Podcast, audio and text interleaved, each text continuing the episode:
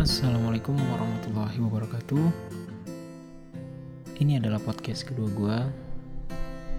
Judulnya masih seputar COVID-19, yaitu seberapa penting vitamin C sampai-sampai suplemennya jadi langka ya di apotik, toko obat, pasar gitu ya, dan sebagainya.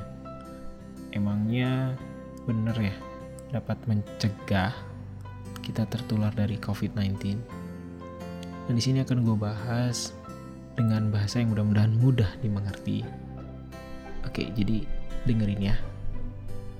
Nah, memang belakangan suplemen vitamin C ya, yang 500 mg dan sebagainya atau 1000 mg ya, ada yang minuman juga kan kalau kalian tahu itu menjadi primadona seolah-olah. Karena kebanyakan masyarakat beranggapan bahwa mengkonsumsi vitamin C dengan dosis seperti itu ya, 500 mg, 1000 mg, itu dapat mencegah terinfeksi dari virus yang uh, kita tahu sendiri virus ini baru ya, baru muncul uh, akhir tahun 2019 di Wuhan. Nah, tetapi memang vitamin C ini dulunya dari dulu memang sudah dipakai ya untuk mempercepat penyembuhan uh, berbagai infeksi. Tapi oke okay lah nanti kita bahas itu ya. Uh, itu dulu ya untuk awal ya bahwa sekarang lagi langka lah intinya si C ini yang dosisnya 500 mg dan sebagainya ya. Itu lagi cukup langka dan harganya tahu sendiri lalu ya namanya supply and demand ya. Ketika demandnya banyak supply-nya sedikit ya otomatis naik harganya. Dan barangnya jadi langka. Yang bakal gue bahas di sini adalah emangnya faktanya gitu ya. Vitamin C itu dapat mencegah kita terinfeksi virus corona.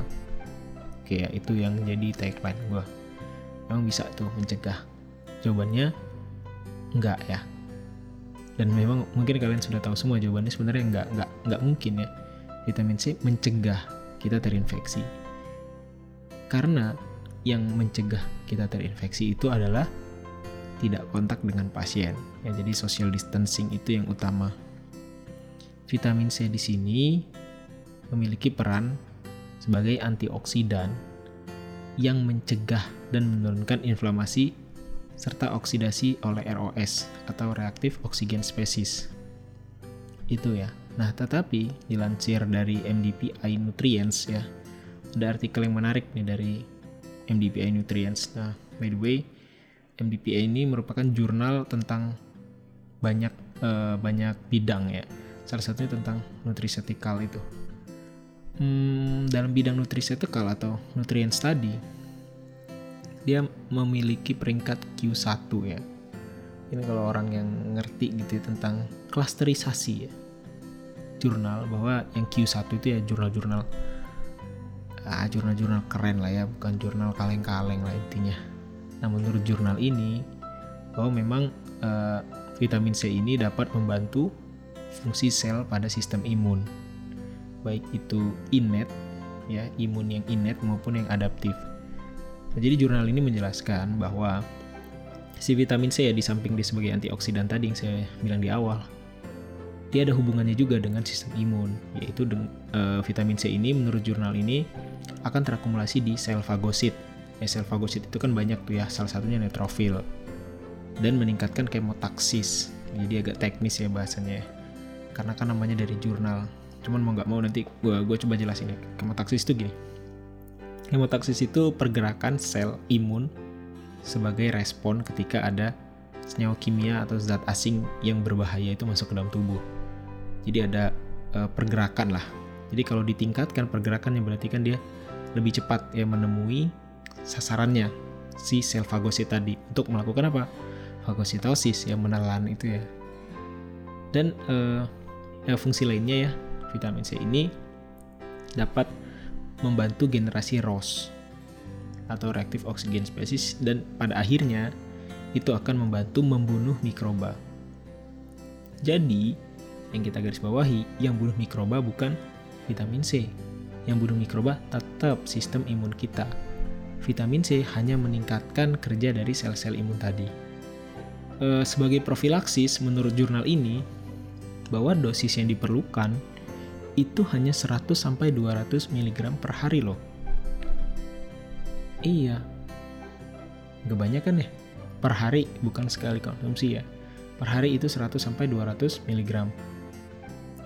Nah, memang ada banyak pengobatan yang sedang dikembangkan untuk virus uh, corona ini ya, yaitu dengan pemberian vitamin C dosis tinggi itu di rumah sakit dan itu rutenya juga intravena infus ya di drip bukan sekali masuk itu di rumah sakit. Dan memang beberapa penelitian itu menunjukkan perbaikan ya ketika diberikan vitamin C dosis tinggi. Tetapi ingat ini bentuknya intravena infus di drip ya. Jadi diberikannya perlahan-lahan dosisnya besar ya bisa sampai berapa gram ya bergram-gram lah intinya per hari itu bisa sampai 25 gram bahkan per hari. Nah dalam kasus infeksi saluran nafas akibat COVID-19 ini masih banyak juga ya proses penelitian yang harus dilakukan terkait dengan penggunaan vitamin C ini. Karena keterbatasan jumlah data dan hasil penelitiannya. Ya wajar lah ya namanya virus baru gitu kan. Virusnya baru banget nih baru beberapa bulan berarti ya. Akhir Desember Januari Februari Maret baru 4 bulan. Jadi memang masih banyak penelitian yang datanya mungkin belum cukup untuk disimpulkan bahwa si vitamin C ini dapat memperbaiki kondisi pasien yang yang terserang virus COVID-19. Nah, cuma ada penelitian nih yang bilang bahwa orang yang common uh, udah sudah sudah ini ya, datanya sudah bagus nih. Tapi pada common flu ya, pada flu-flu biasa dulu bahwa memang uh, orang yang dengan mengkonsumsi vitamin C itu sembuhnya lebih cepat. Ya, itu memang udah terbukti lah dari dulu untuk common flu. Cuman untuk kasus COVID-19 ini masih sedang dalam percobaan. Ya masih masih dikumpulkan lah ya data-datanya. Oke, itu menurut jurnal tadi ya. Oke, kita balik lagi nih. Emangnya bermanfaat gitu ya. Kita buru vitamin yang 500 mg. Tadi kan kalian sudah dengar tuh. Menurut jurnal itu per hari itu untuk profilaksis ya, untuk pencegahan itu adalah 100 sampai 200 mg per hari. Sementara daily value untuk vitamin C atau kebutuhan harian untuk vitamin C itu sekitar 90 mg untuk orang biasa yang tidak dengan kondisi khusus misalnya. Misalnya tidak hamil dan sebagainya. Karena kalau dalam kondisi-kondisi khusus memang kebutuhan vitamin C lebih meningkat. Oke, jadi uh, vitamin C di Uber-Uber itu kan dosisnya tinggi nih. 500 sampai 1000 bahkan ya. Padahal tadi daily value atau kebutuhan untuk paling ya 200 lah ya taruh lah ya per hari loh bukan per konsumsi ya bukan sekali konsumsi nah terus kalau memang yang dibutuhkan hanya segitu gitu ya kalau kita berikan secara oral oral ya berarti kalau kita minumnya 500 mg nih terus atau bahkan 1000 mg sekali minum itu sisanya ke mana coba ya as you know lah bahwa vitamin C ini kan larut air jadi bakal kebuang lewat urin jadi lu pada nih yang mengkonsumsi vitamin C dosis besar sekali konsumsi ya, sekali konsumsi ya tanda kutip ya. Misalnya langsung ma makan yang 1000 mg langsung minum tenggak habis. Kelar gitu ya. Harapannya kok wah minum 1000 mg nih pasti daya tahan tubuh gue meningkat. Enggak juga. Enggak juga. Ya. Jadi itu yang perlu kita camkan. Bukan berarti ketika mengkonsumsi vitamin C dosis tinggi otomatis vitamin C di dalam sel kita akan meningkat. Yang tadi ya terakumulasi di fagosit itu akan meningkat. Enggak. Salah besar kalau kita mengira seperti itu. Kenapa? Loh kok gitu ya? Timbul pertanyaan, loh kok gitu? Emang emang kenapa gitu nggak bisa masuk semua? Iya, karena e, mungkin kalau orang-orang farmasi yang belajar farmakokinetik tahu dengan istilah farmakokinetik non-linear. Ya, karena farmakokinetik ada dua ya, linear dan non-linear yang linear itu yang mengikuti order 0, order 1 dan sebagainya ya. Kalau yang non-linear ini ada titik di mana dia tidak mengikuti order 1 maupun order 0. Kenapa terjadi itu? Ya karena terjadi kejenuhan transporter. Nah, pada kasus vitamin C, transporter pada vitamin C itu adalah sodium kapal vitamin C transporter atau SVCT2 ya dia memang fungsinya untuk membuat asam arakidonat ya atau vitamin C itu masuk ke intrasel dari ekstrasel. Jadi kalau ekstrasel itu ada dua ya. Ada intravaskular dan ada interstisial itu ekstra selular nah ada kalau obat itu di dalam darah berarti dia di intravaskular jadi dalam uh, peredaran darah. Nah dia mesti masuk nih ke dalam sel tadi ya. Dia kan bakal terakumulasi. Nah untuk masuknya tadi dia membutuhkan transporter.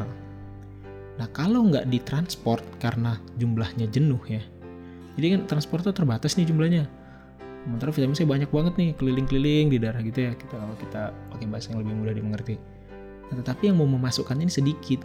Nah karena dia larut air ya kita tahu bahwa yang larut air ini gampang dibuang oleh ginjal ya melalui urin ya. Karena nggak masuk ya udah kebuang gitu.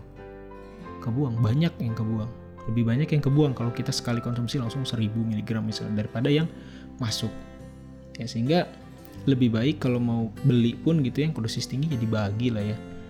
Minum pagi siang sore gitu ya. Karena itu akan meminimalkan jumlah vitamin C yang terbuang. Nah selain itu ya selain transporter ternyata eh, gue baca nih dari jurnal itu jurnal lain ya dia mengatakan bahwa yang berpengaruh terhadap uptake ya uptake uptake vitamin C masuk ke dalam sel itu adalah jumlah natrium yang juga terbatas. Jadi ada dua tuh transporter dan natrium nih yang bisa menguptake vitamin C dari intravaskular atau ekstraselular ke intraselular. Terus gimana? Kok orang yang di rumah sakit katanya tadi bisa tuh?